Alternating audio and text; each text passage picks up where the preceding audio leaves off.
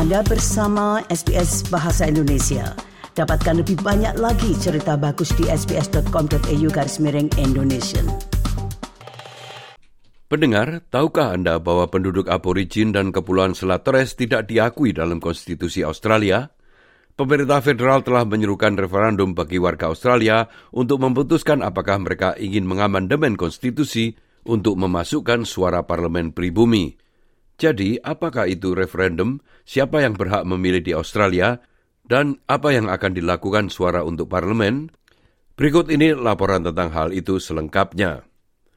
Pemerintah federal meminta pemilih yang memenuhi syarat untuk memutuskan apakah akan memperbarui konstitusi Australia untuk mengakui masyarakat adat melalui badan perwakilan yang dikenal sebagai suara dalam parlemen.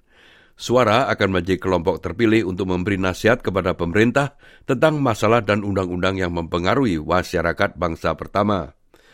Evan Akin Smith adalah juru bicara Australian Electoral Commission atau AEC, sebuah badan nasional independen yang menyelenggarakan pemilu. A referendum is a national vote on a particular issue to change or not the Constitution of Australia. The only way you can change the constitution is via a vote of the people. Parliament doesn't have the power to do it. Konstitusi menetapkan bagaimana pemerintah federal itu bekerja.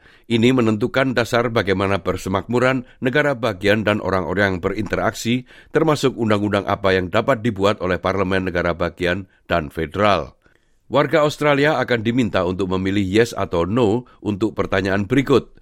Hukum yang diusulkan untuk mengubah konstitusi untuk mengakui bangsa pertama Australia dengan membentuk suara penduduk asli aborigin dan kepulauan Selat Torres. Apakah Anda menyetujui perubahan yang diusulkan ini? Juru bicara AEC, Ekin Smith, menjelaskan bahwa untuk referendum itu berhasil, mayoritas ganda harus mendukungnya. For a referendum to pass, it has to achieve a majority of yes votes nationally and a majority of yes votes in a majority of states. So at least four out of the six Australian states have to vote yes. The ACT and the NT still vote like every other Australian citizen. They're marking a yes or a no on their ballot paper. It counts towards the national majority only and not towards that second hurdle that a referendum has to pass. So territory votes still incredibly important to that national majority total. Usulan untuk suara untuk parlemen akan menjadi badan perwakilan penduduk asli yang seimbang gender yang dipilih oleh komunitas bangsa pertama untuk mewakili mereka dalam memberikan nasihat kepada parlemen saat menyusun undang-undang yang mempengaruhi mereka. Itu tidak akan memiliki kekuatan untuk mengesahkan undang-undang, memveto keputusan, atau mengalokasikan dana. Parlemen akan tetap beroperasi seperti biasa. Profesor Megan Davis adalah seorang wanita kobel-kobel dan ketua hukum konstitusi di University of New South Wales. Ia adalah bagian dari panel ahli tentang pengakuan penduduk asli dan penduduk Kepulauan Selat Torres dalam konstitusi yang mengajukan proposal untuk suara. Ia mengatakan negara lain telah berhasil menerapkan model yang serupa. This is a very common reform that's made to democratic systems around the world. To ensure that the voices of Indigenous peoples are heard when governments make laws and policies about them. One of the reasons that we haven't been able to close the gap in disadvantage in Australia is because the government very rarely consults communities when they make laws and policies about them. Din Parkin adalah pria Kuanda dan direktur From the Heart, sebuah kampanye untuk mengabadikan suara parlemen dalam konstitusi. Ia percaya suara akan membantu menjamin tingkat penentuan nasib sendiri untuk warga bangsa pertama Australia karena pemerintah harus mendengarkan orang-orang yang paling mengetahui tantangan yang dihadapi oleh komunitas mereka.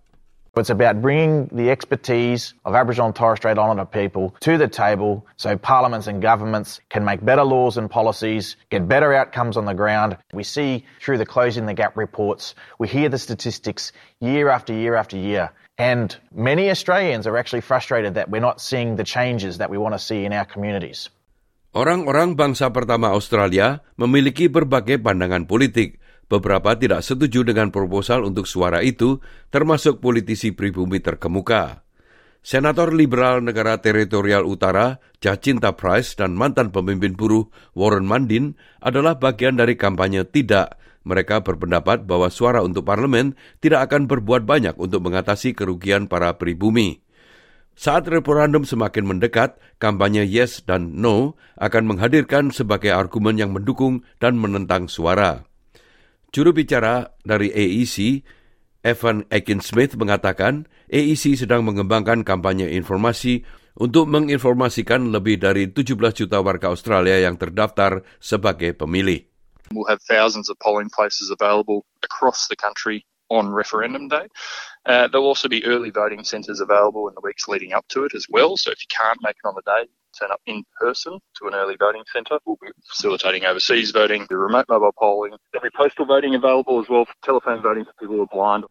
Secara historis, meyakinkan warga Australia untuk mengamandemen konstitusi tidaklah mudah.